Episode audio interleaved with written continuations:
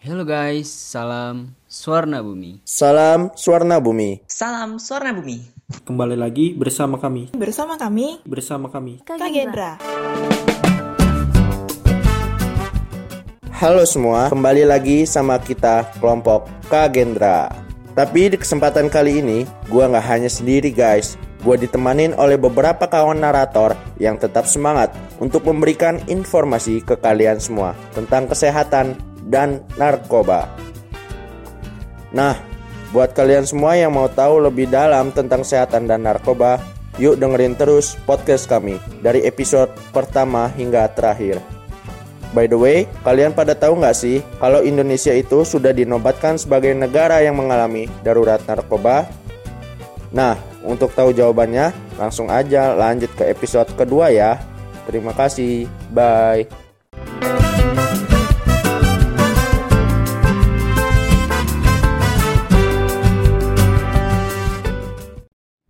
Guys, gua Arif dari Prodi Teknik Elektro ITERA 2020. Jadi apakah Indonesia sudah dinobatkan sebagai negara yang mengalami darurat narkoba? Jawabannya iya guys. Bahkan di wilayah ASEAN, Indonesia dinobatkan menjadi negara dengan jumlah pemasaran narkoba yang terbesar. Miris banget ya dengarnya. Gak nyangka negara kita tercinta ini ternyata sangat darurat narkoba. Dalam seharinya 30 orang meninggal karena narkoba. Gak heran kalau kita lihat banyak sekali artis-artis khususnya di daerah ibu kota tertangkap karena kasus penyalahgunaan narkoba. Bahkan sampai ke aparatur negara, pejabat tinggi, dan masih banyak lainnya. Nah, untuk tahu pembahasan selanjutnya, langsung aja lanjut ke episode ketiga ya. Terima kasih dari gua. Bye.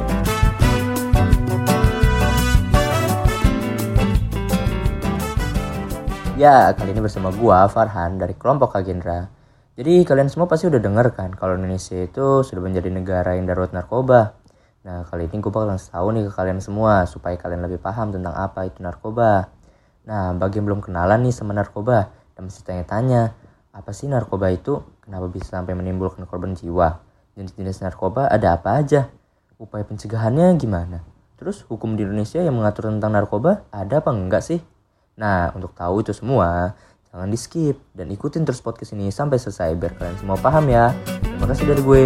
Bye.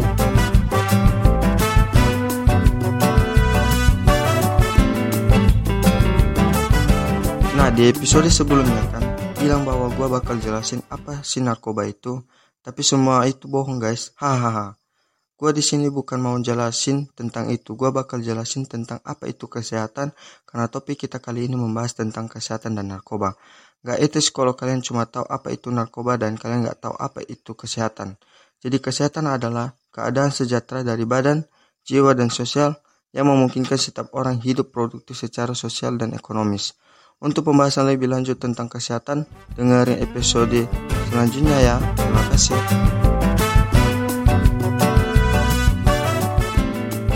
Oke, sekarang Lolo pada lagi sama gua ya, Naufal. Jadi, gua di sini nih mau lanjutin pembahasan tentang kesehatan. Kesehatan itu dibagi menjadi dua, ada kesehatan fisik dan kesehatan mental. Jadi, sehat tuh nggak cuma sehat jasmani aja, tapi mental kita juga harus sehat. Nah, sebenarnya apa sih perbedaan antara kesehatan fisik dan mental? Kesehatan fisik itu merupakan kesehatan yang dinilai dari kondisi fisik seseorang. Intinya, kesehatan fisik itu biasanya dapat dilihat secara langsung oleh mata kita. Nah, untuk pembahasan tentang kesehatan mental akan dijelasin lagi sama temen gua. Lanjut ya ke episode selanjutnya. Terima kasih.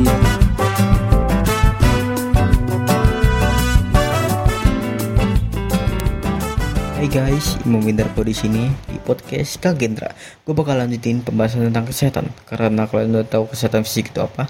Sekarang gue bakal bahas kesehatan mental.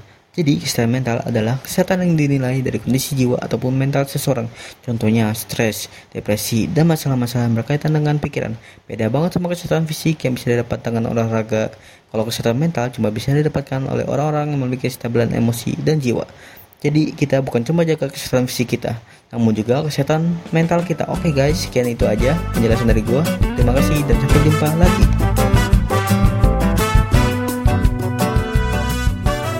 Guys, gue Adian Dan sekarang gue pengen ngelanjutin nih penjelasan dari teman gue sebelumnya Nah, kan kalian udah tahu nih perbedaan kesehatan fisik dan mental itu apa aja. Tapi apa nggak afdol kalau gue nggak ngasih tahu gimana sih caranya supaya tubuh kita bisa sehat secara fisik dan mental? Apalagi kan buat kita para maba. Udah banyak tugas, aktivitas yang sering kali buat kita begadang, lupa makan, dan nggak olahraga sama sekali. Bukannya kita nggak mau, tapi emang gak sempet.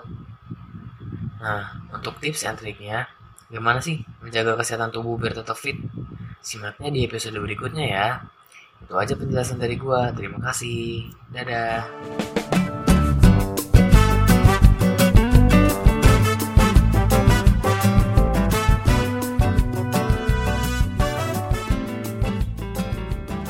Oke semuanya, nama gue Reno Ditya Putra. Kali ini gue bakal ngasih tips dan trik buat kalian semua yang insya Allah ampun deh untuk jaga kesehatan kalian semua. Yang pertama dan paling penting, atur prioritas. Jadi, kita harus tahu mana sih yang harus kita dahuluin dan kalau perlu kita buat daftar deh biar enakan gitu. Selama kita bisa atur prioritas, dijamin deh pasti lebih mudah. Yang kedua, setelah kita tentuin prioritas, kita atur juga jadwal itu supaya kita lebih ingat lagi mana yang harus kita kerjakan terlebih dahulu dan intinya supaya nggak tabrakan deh. Oke, untuk tips dan trik lainnya bakal dibahas sama teman gua di episode selanjutnya. See you guys.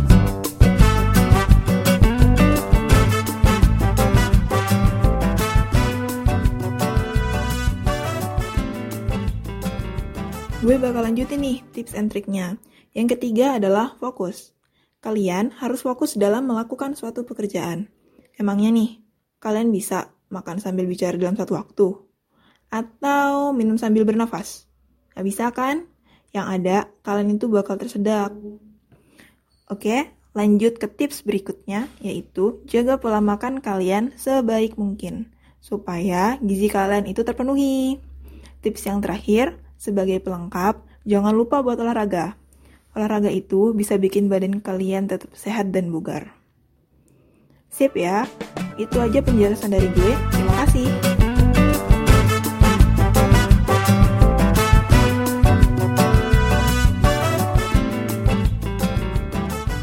Kalian semua pasti udah tahu kan gimana tips dan triknya untuk menjaga kesehatan. Kak Gendra ini emang baik banget. Ngasih info yang benar-benar bermanfaat buat kita semua yang dengerin. Makanya jangan lupa dengerin ya sampai episode terakhir. Karena topik kita tentang kesehatan dan narkoba, terus pembahasan tentang kesehatan sudah, maka dari itu kita lanjut ke pembahasan tentang narkoba. Semuanya pasti tahu dong apa itu narkoba. Tapi biar lebih jelas dan paham tentang narkoba, teman-teman gue dari Kak Gendra ini bakal ngejelasin ke kalian semua sejelas-jelasnya tentang narkoba. Makanya dengerin terus podcast Kak Gendra. Jadi itu ya penjelasan dari gue. Terima kasih. Jadi di sini gue bakal jelasin apa sih narkoba itu. Nah, narkoba menurut para ahli, salah satunya menurut Smith Klein dan Friends di klinik, narkoba adalah zat-zat atau obat yang dapat mengakibatkan ketidaksadaran atau pembiusan dikarenakan zat-zat tersebut bekerja dengan mempengaruhi susunan saraf sel. Nih, kan narkoba itu membuat dapat tidak ketidaksadaran. Itu bahaya banget buat para pengguna narkoba karena membuat otak itu rusak, tidak bekerja dengan sesuainya. Jadi, buat generasi muda janganlah menggunakan narkoba. Oke. Oke guys, itu aja penjelasan dari gue. Terima kasih.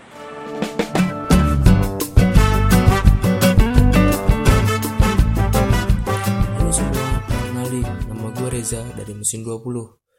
Jadi di kesempatan kali ini gue bakal jelasin tentang narkoba menurut beberapa para ahli nih. Salah satunya itu Jacobus. Menurut dia, narkoba adalah zat atau obat-obatan yang berasal dari tanaman dan bisa juga berasal dari bahan-bahan sintetis lainnya yang dapat menyebabkan penurunan kesadaran, menghilangkan rasa nyeri, dan dapat menimbulkan ketergantungan. Oke guys, sampai situ dulu ya penjelasan dari gua. Ntar dilanjut nih sama teman gua. Terima.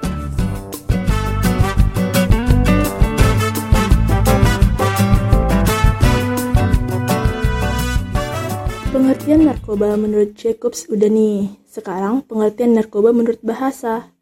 Narkoba adalah narkotika, psikotropika, obat-obatan terlarang, dan zat adiktif. Sehingga Departemen Kesehatan RI menyebutkan istilah tersebut sebagai nabza yang merupakan singkatan dari narkotika, psikotropika, dan zat adiktif.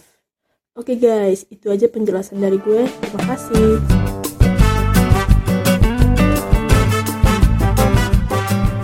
Nah, kalian sudah tahu kan pengertian narkoba menurut para ahli dan menurut bahasa? Selanjutnya, kita bakal bahas jenis-jenis narkoba apa aja sih? Pasti banyak deh, tapi gue taunya cuma ganja, WKWK. Kalian semua jangan bilang sama kayak gue, yang taunya cuma ganja doang. Makanya, dengerin terus semua episode podcast Kagendra tentang kesehatan dan narkoba untuk tahu penjelasan lebih dalam tentang jenis-jenis narkoba. Karena teman-teman gue lagi pada baik nih mau berbagi informasi ke kalian semua. Oke guys, itu aja penjelasan dari gue. Terima kasih.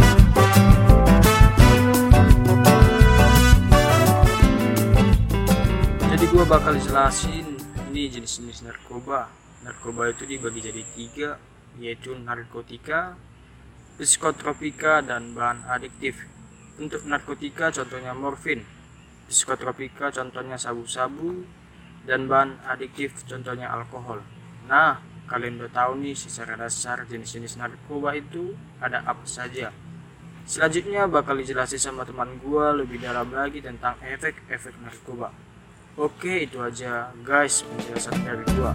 Terima kasih.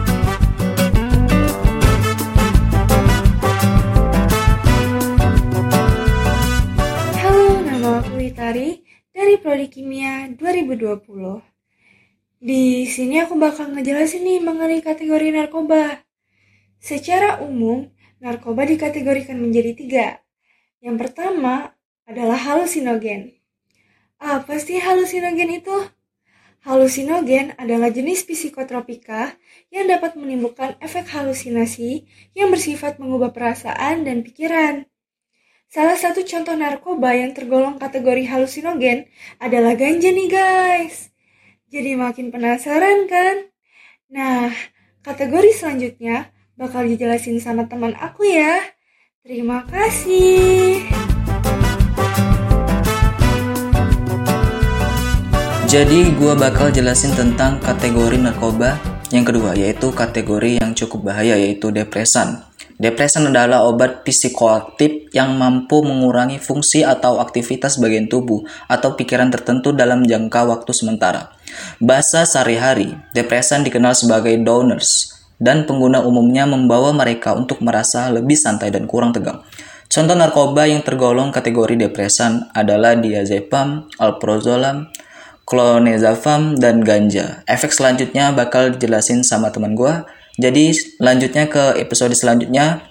Oke itu aja guys penjelasan dari gue. Terima kasih.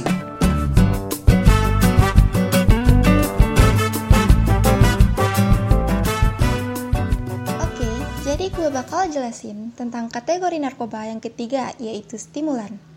Stimulan adalah obat-obatan yang meningkatkan kinerja syaraf dan jantung. Contoh stimulan adalah sabu, kokain, dan masih banyak lagi. Nah, kalian semua udah tahu macam-macam kategori narkoba. Selanjutnya, kita bakal ke pembahasan yang lebih seru lagi nih guys. So, dengerin terus ya podcast Kagendra. Itu aja guys penjelasan dari gua. Thank you.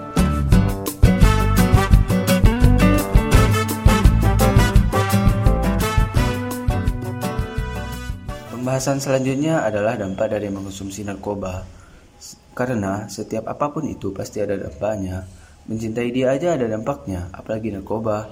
Lanjut ke topik dampaknya. Narkoba itu jika digolongkan ada dua, jangka pendek dan jangka panjang. Untuk jangka pendeknya, orang yang pakai narkoba itu bakal dehidrasi, suka halu, perutnya suka sakit, susah tidur, dan lain-lain. Itu baru dampak jangka pendeknya loh. Apalagi dampak panjangnya. Nah, untuk tahu jangka panjangnya, lanjut episode selanjutnya. Oke, itu aja ya guys penjelasan dari gua. Terima kasih.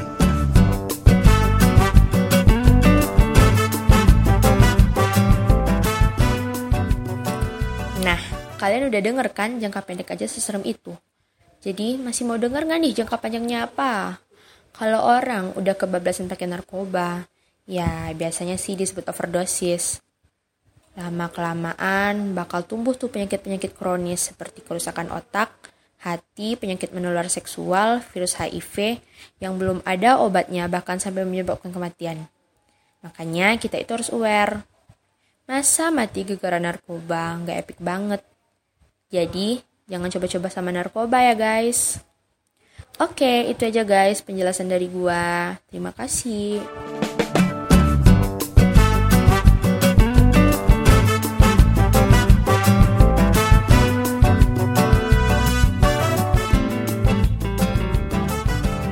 Semua pasti udah pada denger kan sebelumnya dampak dari penyalahgunaan narkoba. Please guys, jangan coba-coba. Untuk sekalipun itu jangan. Kenapa? Karena nanti ketika kalian coba, kalian tuh langsung kecanduan. Kenapa? Karena ada zat yang contohnya aja nih ya, gue sebutin. Pertama ada heroin, kedua nikotin, ketiga ada barbiturat, keempat ada kokain, kelima ada alkohol. Itu contohnya yang di mana ketika kalian mengkonsumsinya itu kalian nggak cuma kecanduan tapi juga kalian langsung beresiko untuk meninggal lebih cepat. Serem gak sih? Eh tapi ya by the way ada juga loh yang gunain untuk alasan pengobatan gitu. Lanjut aja ke episode selanjutnya. Oke ini aja penjelasan dari gue guys. Terima kasih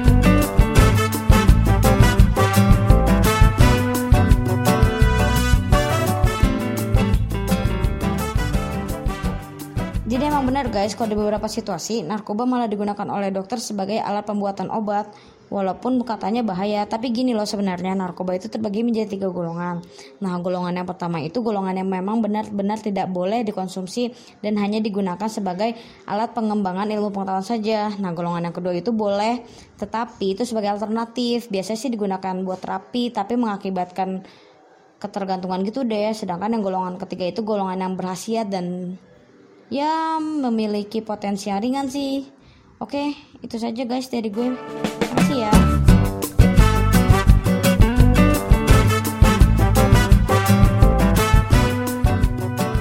Setelah dengar penjelasan dari teman-teman gua, apakah kalian udah ngerasa kalian itu tahu segalanya tentang narkoba? Eits, ya belum dong. Oke, sekarang kita bakal bahas narkoba lebih dalam lagi ya. Eh, tapi kalau ngomong-ngomong narkoba itu, kenapa sih ada orang yang mengkonsumsi narkoba? Dan mirisnya, narkoba itu banyak dikonsumsi oleh orang-orang dengan umur sekitar 15 sampai 65 tahun. Dan kebanyakan dari mereka itu para anak-anak remaja gitu. Hmm, alasan mereka itu mengkonsumsi narkoba itu banyak banget, banyak banget. Kalau kalian ingin tahu apa sih apa aja alasan mereka itu mengkonsumsi narkoba, simak penjelasan dari temen aku yang satu ini di episode selanjutnya. Oke, makasih ya guys. Jadi alasan mereka mengkonsumsi narkoba itu kalau untuk remaja mereka beralasan bahwa mereka berasal dari keluarga yang broken home atau nggak punya pertemanan. Mereka malah bergaul dengan seorang pencandu narkoba atau pengedar narkoba saking nggak punya teman kali ya. Hal tersebut membuat mereka akhirnya terjerumus dalam narkoba tersebut. Adapun karena kurangnya komunikasi dengan keluarga atau bahkan orang tuanya yang tidak peduli mau anaknya ngapain aja ya bodoh amat gitu. Jadi buat kalian kalau punya teman yang broken home atau yang lagi ada masalah dirangkul, bukannya di, malah dibully. Itu aja ya guys penjelasan dari gue. Lanjut ke episode selanjutnya. Terima kasih.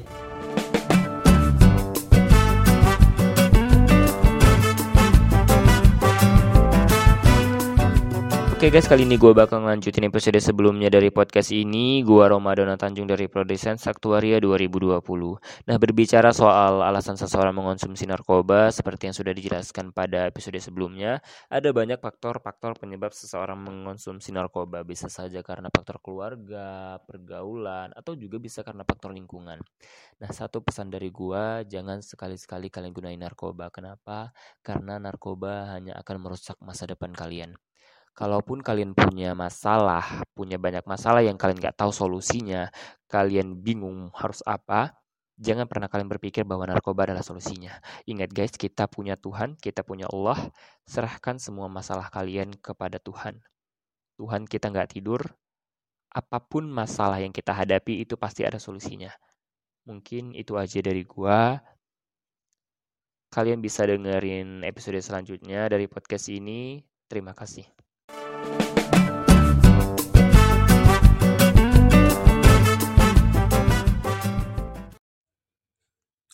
Nah, setelah kalian tahu alasan-alasan mereka yang menggunakan narkoba, sekarang kita mau bahas gimana sih buat mereka yang udah terlanjur kecanduan, apa bisa diobatin? Jawabannya semua itu pasti bisa kok. Asal emang benar-benar mau berhenti ya. Jangan coba-coba lagi. Salah satu cara mengatasi seorang pecandu narkoba adalah rehabilitasi. Rehabilitasi merupakan cara yang biasanya dilakukan di Indonesia atau paling umum banget deh. Untuk tahu lebih lanjut tentang rehabilitasi, lanjut ke episode selanjutnya ya. Oke, itu aja guys penjelasan dari gua. Terima kasih.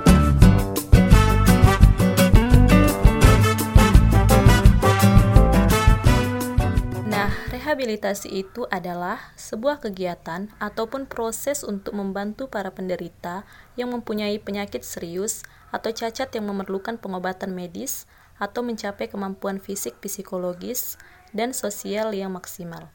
Nah, untuk mengikuti masa rehabilitasi, ternyata nggak gampang guys.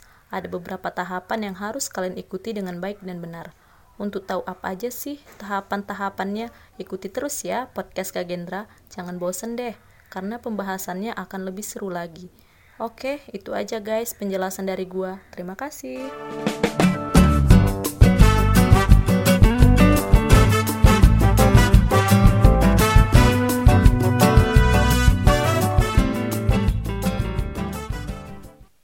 Setelah kalian tahu rehabilitasi itu apa, kalian juga harus tahu bahwa ada empat tahapan atau langkah untuk mengatasi kecanduan narkoba.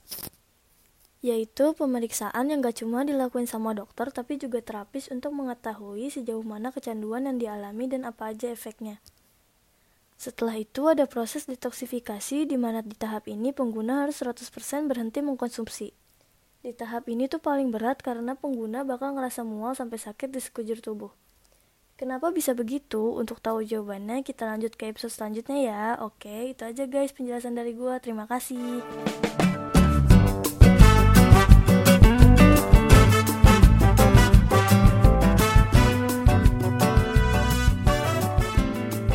Halo semua, perkenalkan nama gue Arfi. Di sini gue bakal lanjutin pembahasan kita pada episode sebelumnya ya. Kenapa sih dalam proses mengatasi kecanduan para pecandu narkoba, mereka bisa merasakan sakit di kepala yang benar-benar sesakit itu? Jadi alasannya karena zat-zat narkoba dapat menyebabkan peradangan di otak atau inflamasi. Nah, sebenarnya rasa sakit itu dirasakan setiap mereka tidak menggunakan narkoba lagi. Jadi bukan karena waktu pemulihan aja ya. Tapi jangan khawatir, dokter akan tetap membantu dan meringankan efeknya menggunakan obat khusus yang telah tersedia. Setelah proses detoksifikasi, ada lagi nih proses selanjutnya, yaitu stabilisasi. Apa sih stabilisasi itu? Kita akan bahas tentang stabilisasi di episode selanjutnya ya. Itu aja penjelasan dari gua, terima kasih.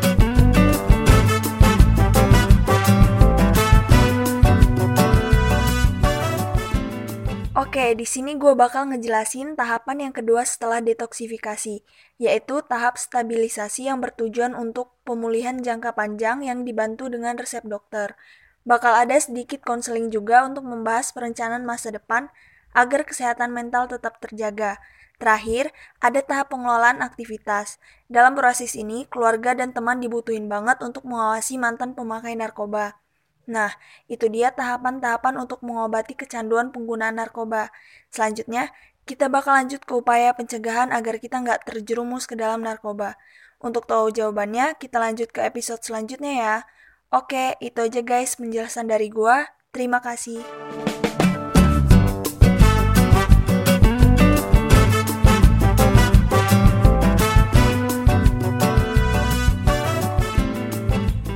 Hai guys, kembali lagi bersama gue Deborah Rosdiana dari Prodi Teknik Biosistem.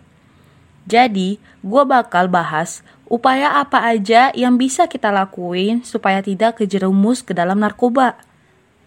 Antara lain, satu, seleksi dalam pergaulan.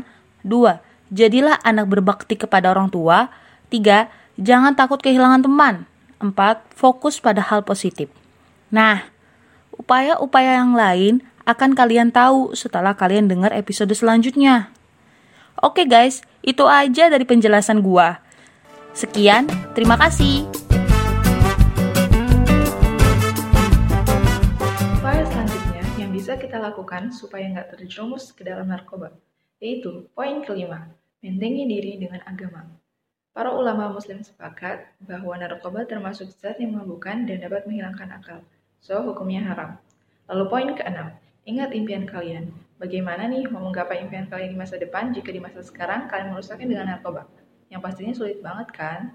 Oke? Kalian udah tahu nih upaya-upaya pencegahan, berarti harus kalian lakuin ya guys, supaya kalian gak terjerumus ke jalan yang salah. Nah, biar kalian lebih yakin lagi untuk gak deket-deket dan gak pakai yang namanya narkoba, kalian harus tahu dasar hukum di Indonesia yang membahas tentang narkoba. Untuk tahu jawabannya, kita lanjut ke episode selanjutnya ya.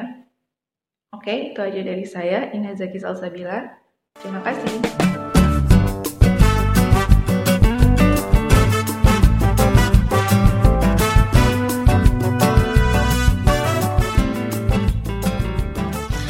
Halo, aku Balkis. Seperti kita tahu, di Indonesia punya banyak banget hukum-hukum yang mengatur tentang narkoba.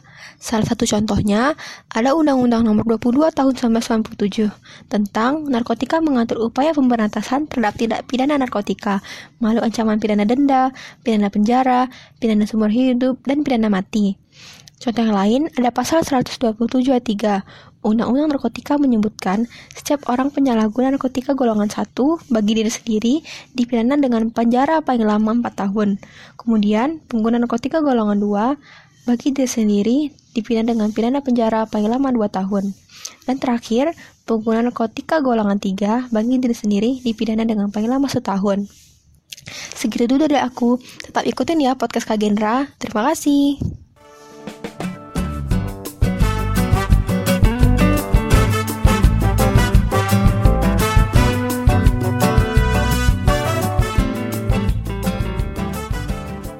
Setelah kalian tahu dasar hukum, ternyata masih ada lagi loh hukum-hukum yang membahas tentang narkoba, yaitu Undang-Undang Nomor 35 Tahun 2009. Nah, undang-undang ini menjelaskan secara implisit mengenai siapa saja yang dapat disebut pengedar dan pengguna. Selain itu, ada Undang-Undang Nomor 5 Tahun 1997 yaitu menjelaskan tentang segala kegiatan yang berhubungan dengan psikotropika yang mempunyai potensi untuk mengakibatkan sindroma ketergantungan. Selain itu, undang-undang ini juga mengatur tentang rehabilitasi bagi yang menderita sindroma ketergantungan dengan tujuan untuk memulihkan atau mengembangkan kemampuan fisik, mental, dan sosialnya. Nah, penasaran kan untuk tahu lebih lanjut? Ikutin terus ya podcast Kak Gendra. Oke, itu aja guys penjelasan dari gua. Terima kasih.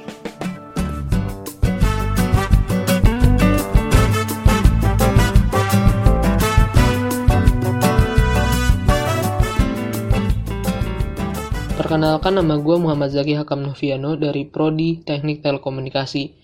Jadi kesimpulan dari semua penjelasan temen gue, kenapa sih kalian harus bener-bener jauhin yang namanya narkoba? Alasan yang pertama, dampak negatif dari pemakaian narkoba tersebut. Banyak banget mulai dari halusinasi sampai kematian. Sayang banget kan otak lo yang udah lo tempat dengan belajar bertahun-tahun jadi rusak karena narkoba. Alasan yang kedua, konsekuensi hukum di Indonesia yang sangat serius. Emang kalian mau dipenjara? Jadi, gue sangat menghimbau buat kalian semua untuk jauhi narkoba. Sayangi tubuh kalian, sayangi otak kalian, dan sayangi masa depan kalian sendiri.